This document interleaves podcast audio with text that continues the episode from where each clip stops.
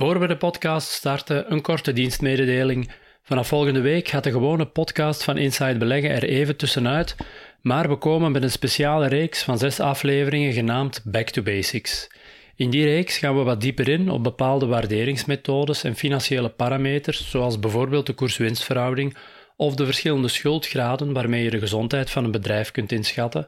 En in elke aflevering pikken we er zo'n ratio uit, vertellen we wat die betekent, hoe je die kunt gebruiken en wat de eventuele valkuilen zijn. Dus vanaf volgende week, zes weken lang, back to basics. Welkom bij de Inside Beleggen podcast van Trends.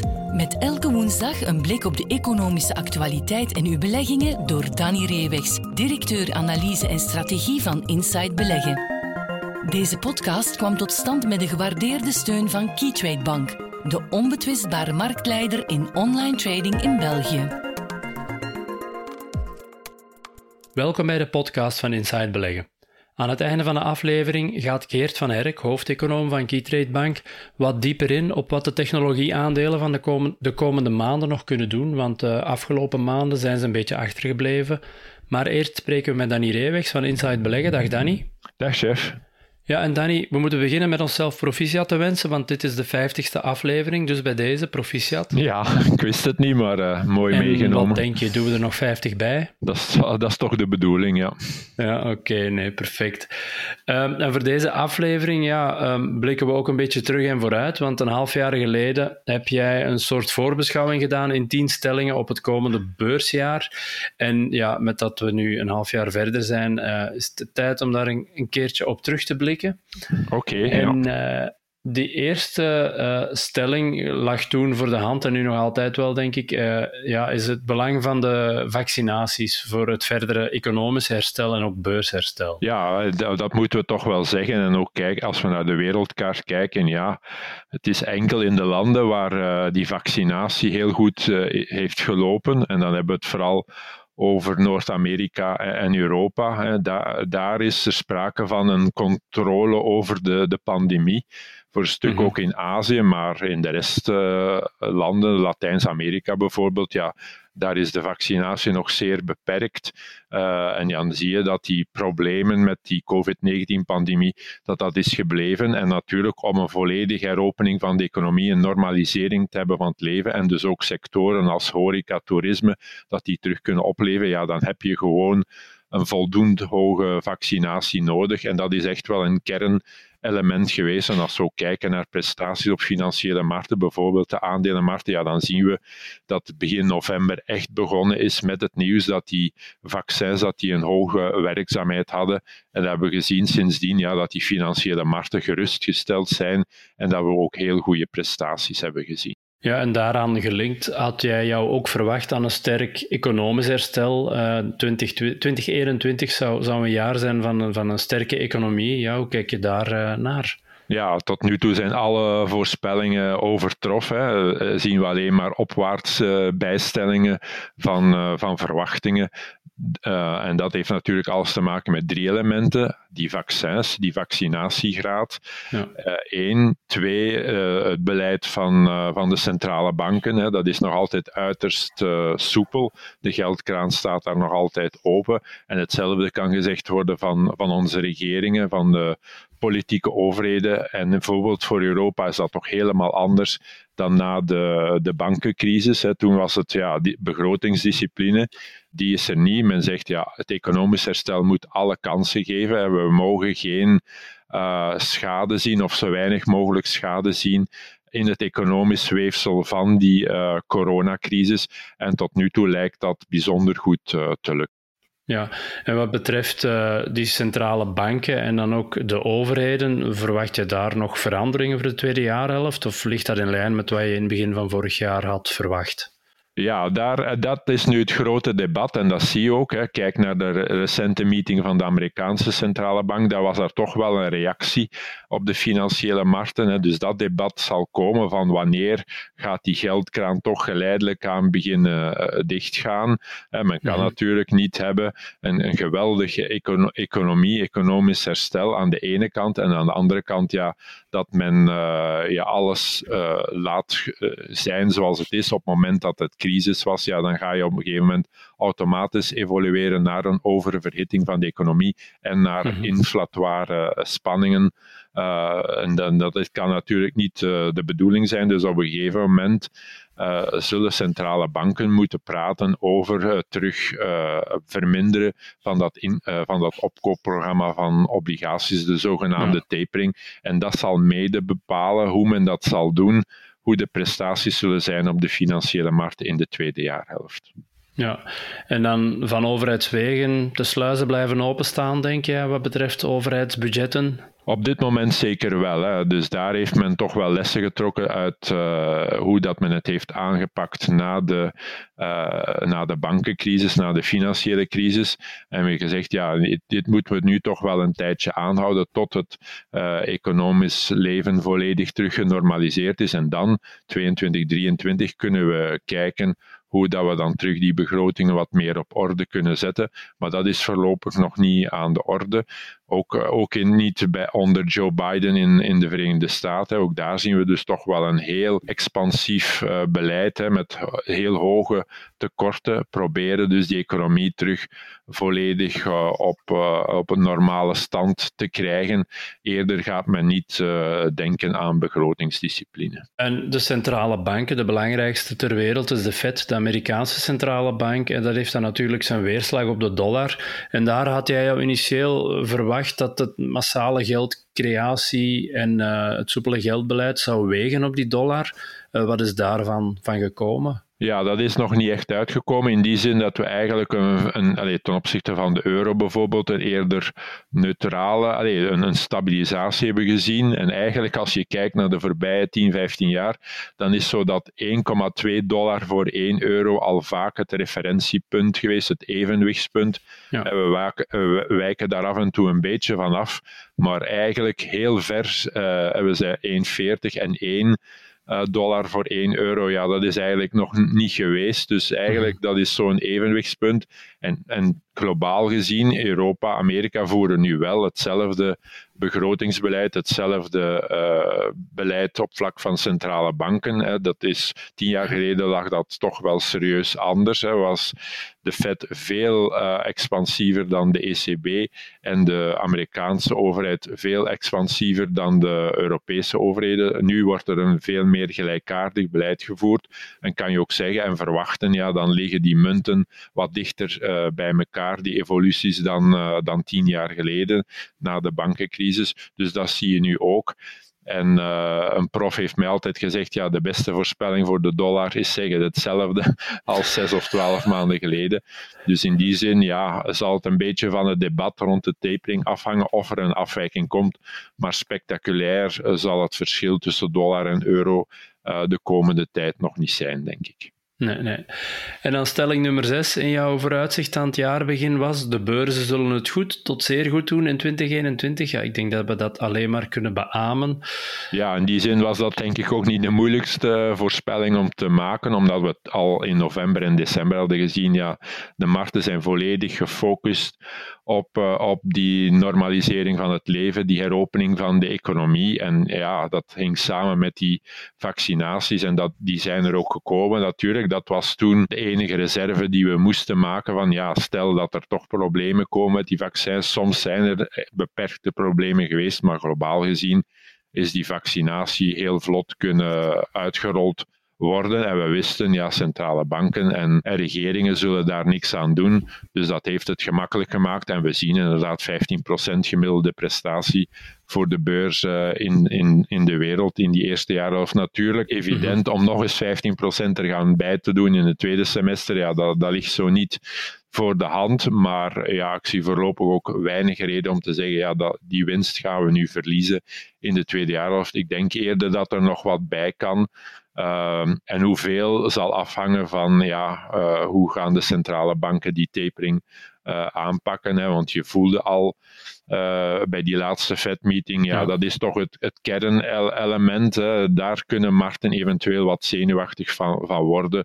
Maar uh, je ziet ook direct die sussende taal van Jerome Powell en ook Christine Lagarde is niet de persoon om, om die markten tegen zich te keren. Dus in die zin denk ik dat het allemaal wel gaat meevallen. Maar mm -hmm. ja, zo sterk als de eerste jaarhelft zal het meer dan waarschijnlijk niet zijn in de tweede jaarhelft. Maar een heel goed beursjaar 2021 gaan we denk ik toch wel krijgen. Ja. Stel dat de Fed nu in september toch komt met de boodschap van we gaan erover nadenken om dat op opkoopprogramma terug te schroeven. Verwacht je dan meteen serieuze terugval op de beurzen of uh, paniek? Of hoe, uh, hoe moeten we daarmee omgaan? Nee, paniek denk ik is uh, een te sterk woord. Maar ja, we gaan wel periodes hebben voor en na zo'n meeting dat, dat het wel wat kan golven. Hè, dat het wel eens wat kan terugvallen. Vandaar, ja, die tweede jaarhelft zal waarschijnlijk niet zo geweldig zijn als, als die eerste. En daar zullen al wat, wat meer rimpelingen op het water uh, komen, maar echt een, een, een, zware correctie of een, een crash bijvoorbeeld, nee, dat zie ik nog niet uh, de komende maanden gebeuren. Ja, en dan wat betreft de voornaamste drijfveren onder die beurskoersen, uh, was voordien voornamelijk geleid door de techgiganten. daar is een kering in gekomen eind vorig jaar, begin dit jaar. Ja, hoe, zie jij, hoe zie je dat verhaal wat betreft de trekkers op de beurs? Ik denk dat dat een structureel fenomeen is. Hè. Dat was lang bezig en dan hebben we die over overdrijving gezien in de loop van 2020. Op een gegeven moment, de Nasdaq deed het al jaren veel beter dan de Dow Jones en dan de S&P 500. Wel, nu op een gegeven moment kregen we daar nog eens een extreme uiting van. Hè. Op een gegeven moment deed uh, de Nasdaq vorig jaar uh, 40, 30, 40 procent beter dan de Dow Jones. Ja, dat was het summum van die, van die trend. En dat denk ik is wel gekeerd. Daarmee heb ik niet gezegd dat de techgiganten nu slecht gaan presteren, want ze doen het nog altijd goed. Ze maken nog altijd ja, bijna monopoliewinsten. Uh, hebben een enorme impact op de economie. Maar om nu in, dat je in tech-aandelen moet zitten om, uh, om een goede prestatie te leveren in je portefeuille, ik denk dat dat niet meer is. En ik denk dus ja, dat je met value stocks, met waardeaandelen, even goed of misschien zelfs wat beter af zult zijn dan met tech-aandelen. dus de spreiding in de portefeuille kan absoluut. En dat hebben we de voorbije zes maanden trouwens ook al, al gezien. Hè. De Dow Jones doet het wat beter dan, uh, dan de Nasdaq. En ik denk dat dat zo uh, op wat langere termijn ook zo kan, uh, kan blijven. Dus daar heb je toch echt wel een keerpunt ja. gezien in de loop van de voorbije tijd. Ja. En dan een andere belangrijke activa-klasse waar jij veel rond, uh, rond schrijft en, en, onderzoekt zijn de edelmetalen. En daar had jij jou verwacht aan een, een glansrol begin 2021. Hoe kijk je daarop nee, terug? Ik denk dat dat is uitgesteld en uh, ik verwacht wel een betere tweede jaar voor edelmetalen ten opzichte van de eerste. Dus uh, goud en zilver heb toch echt wel afgezien, vooral aan in die eerste maanden toen de markten echt wel panikeerden rond, rond die opkomende inflatie. Dat is sinds maart, april toch wel uh, mm-hmm. serieus gekalmeerd. Hè, want we zijn in vrij snel tempo voor de tienjarige Amerikaanse rente van 0,6 naar 1,7 gegaan. En dat was toch wel een serieuze opstoot, omdat ze zagen ja, dat er plots mm-hmm. inflatie was en dat die inflatieverwachtingen naar boven gaan. Maar daarna is men toch wel op dat vlak meer gekalmeerd. En dan zie je nu toch, ja, die inflatie is hoog de inflatie, uh, de, de, de, lange rente Amerika is gestabiliseerd, rond anderhalf, 1,5, 1,6. Daar staan we nu al maanden. Dus dat betekent ja. dat de reële rente opnieuw serieus negatief is. En dat is toch wel een ondersteuning van uh, prijzen voor edel, edelmetalen. En ik denk toch dat een stuk uh, van de beleggers zich uh, toch wel afvraagt, ja, we zitten nu met een schuldenpandemie, dus zeer hoge schuldgraden van landen, dat ze toch voor een stukje veiligheid gaan kiezen en een stukje van hun portefeuille eventueel gaan allokeren richting uh, die edelmetalen. Vooral omdat uh, het alternatief cryptomunten, hè, waar dat er toch wel in de eerste maanden van het jaar heel wat geld naartoe is gestroomd. Hè. Als je kijkt, uh, de top van bijvoorbeeld een bitcoin ligt in april, de bodem van het goud ook. Dus je ziet dat er toch wel uh, geld is dat uh, een stukje daar voor die alternatieve routes kijkt. En op dit moment ja. beginnen cryptomunten het toch weer een pak moeilijker te krijgen, zijn extreem volatiel en hebben toch een serieuze correctie achter de rug. Dus ik denk wie wat veiligheid zoekt, de komende tijd toch terug eerder zal kijken naar edelmetalen dan naar crypto. Ja, en dan een ander inflatiebestanden, activa-klassen, olie en grondstoffen. Um, kon je ook van zeggen dat die, uh, of zei je ook van begin van het jaar, dat die in dit jaar zouden schitteren. En ja, dat is ook wel grotendeels um, uitgekomen, denk ik. Wat zijn jouw verwachtingen daar rond? Ja, die hebben echt wel geschitterd uh, de voorbije zes maanden. Uh, misschien zelfs wat in overdreven mate, hè, want bijvoorbeeld de grondstoffenindex is verdubbeld ja. in minder dan een jaar tijd. Ja, dat is natuurlijk wel extreem. En je ziet bijvoorbeeld dat China nu zegt: oh, oh, oh we gaan uh, strategische reserves aanspreken. En dat heeft nu de markt wat gekalmeerd. Dus ook daar hebben we het beste deel van het jaar al, al gezien. Zitten we nu wat in een, correctie, in een terugval. Maar ook denk, net zoals uh, de voorkeur op de beurs, dat we hier echt wel mogen spreken van een trendommekeer. Het is duidelijk dat we nooit mhm. meer uh, dezelfde mate van strengheid aan de dag zullen leggen op, op economisch vlak. We gaan de economie blijven ondersteunen. En dat is, een heel goed, dat is heel goed nieuws voor grondstoffen, waar het toch moeilijk is geworden aan de aanbodzijde om, om uit te breiden. Kijk naar uh, problemen om toch aan bepaalde grondstoffen te geraken. Op dit moment, uiteraard, gaat dat afkoelen. Hè. Dat, dat moet zich nog wat normaliseren. Maar uh, de vraag naar grondstoffen gaat toch op een hoger pijl blijven dan we bijvoorbeeld gemiddeld de voorbije vijf jaar hebben gezien. En dat gaat die prijzen toch wel structureel ondersteunen. Dus ja, het is wat heel spectaculair geweest de voorbije maanden en dat zal nu wel wat kalmeren. Maar ik denk dat we voor grondstoffen ook voor de komende tijd toch wel goed zitten. Ja, en dan tot slot, um, de laatste activa klasse, vastgoed. Waren jouw voorspellingen voor 2021 of jouw verwachtingen wat gemengd? Ja, ehm, ja hoe kijk je er nu tegenaan? Ja, dat is toch wel goed meegevallen tot nu toe. Heeft ook te maken met het feit dat, uh, dat de impact economisch van uh, de coronacrisis toch inderdaad een pak beperkter is dan eerst uh, verwacht. Ik had wel aangegeven kijk, als belegging gaat dat nog altijd geweldig goed scoren en dat zien we ook. Hè. Mensen willen als alternatief voor die cash die niks opbrengt. Uh, en die zeggen, ja, de beurs, ja, dat is toch wel volatiel. Ik weet wel dat het daar goed gaat, maar uh, ik heb daar toch ook wel minder ervaring mee uit het verleden.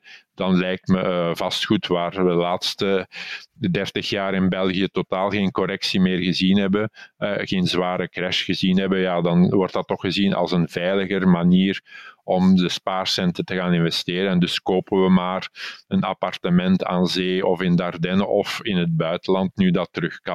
Die beweging, denk ik, gaat verder doorgaan. Maar ook, ja, uh, de, de, de gezinswoningen en zo, dat blijft toch nog altijd uh, goed op, op koers. Hè. Er is nog altijd serieuze vraag om dat huis te kunnen kopen en men gaat vaak tot aan of net over zijn uh, limiet. En ik zie daar voorlopig toch nog geen kentering in. Zeker nu het vertrouwen in de economie is teruggekeerd. Dus ik denk ook uh, dat vastgoedprijzen op dit moment toch nog niet gaan, uh, gaan onder druk komen. Eerder het tegendeel. Dus ook daar ziet het nog altijd goed uit uh, op, voor de komende tijd. Perfect. Daarmee hebben we een heldere update van jouw verwachtingen. Waarvoor dank en graag tot volgende week. Graag gedaan. Tot volgende week. We luisteren nu naar Geert van Herk, Chief Economist van Keytrade Bank, met zijn analyse op een aspect van de economische actualiteit staan de technologieaandelen klaar voor een opwaartse uitbraak. Dat is een beetje het thema van onze podcast van deze week. U weet het, sinds de start van dit jaar hebben vooral cyclische sectoren de markt hoger getrokken. De grote technologieaandelen, we denken daarbij aan Apple, Amazon, Tesla, die zijn eerder neerwaarts tot zijwaarts geweest. Uh, bijvoorbeeld het aandeel Apple, als je, als je een grafiek gaat bekijken van dit aandeel, dan zal je vooral merken dat dat een brede horizontale beweging geweest is de afgelopen tijd. Maar daar lijkt nu toch verandering in te komen. Eh, de Nasdaq heeft bijvoorbeeld uh, een nieuwe uh, historische top bereikt en we verwachten dat dat ook gaat afstralen op de rest van de technologieaandelen. Dus wie een beetje een opportuniteit zoekt, laten we zeggen horizon 2 tot 3 maanden, die vindt zeker zijn gading bij de technologieaandelen. En het kan ook heel belangrijk zijn voor de bredere markt. Want gisteren bijvoorbeeld zagen we dat de, de index van de semiconductors, oftewel de halfgeleiders in de Verenigde Staten, dat die markt een nieuwe historische top bereikt. En dat is vaak ook een teken dat de brede markt zal volgen. Je hebt eigenlijk die semiconductors, die chipmakers nodig om de rest van de markt hoger uh, te trekken. Dus dat is een eerste uh, positief feit, uh, dat de sector van de halfgeleiders nieuwe historische toppen bereikte op de Amerikaanse beurs. Dus we verwachten dat ook gaat afstralen op de rest van de markt. Ik denk daarbij aan die Apples, die Amazon, ook Tesla. Tesla lijkt ook klaar om opwaarts te gaan uitbreken. en dat kan ook wel een beetje een nieuwe rotatie op gang brengen. Uh, uit de value-aandelen richting de, opnieuw de, de groeiaandelen of de growth-aandelen. Mm. Dus uh, dat thema van rotaties gaat dus toch wel zeker actueel blijven. En dat heb je ook nodig in een gezonde, stijgende markt. Daar is continu rotatie van, uh, van bepaalde leidende sectoren naar sectoren die achtergebleven zijn. Achtergebleven sectoren gaan dan weer sterk presteren, tot die weer ja, een beetje over gekocht zijn. En dan gaat men weer noteren, roteren naar andere sectoren. Dus uh, onze hoop is er ook een beetje op gesteld hè, dat, de, dat die uh, technologieaandelen, zeker in de Verenigde Staten, dat die een inhaalbeweging kunnen gaan maken. En u kan daar natuurlijk als uh, belegger van profiteren. Hoe profiteren we daarvan in de eurozone? Ja, we kunnen allemaal een trekker kopen op de MSCI World Technology Index. in die index zitten natuurlijk ook die grote toppers uit de, uh, uit de technologie sector.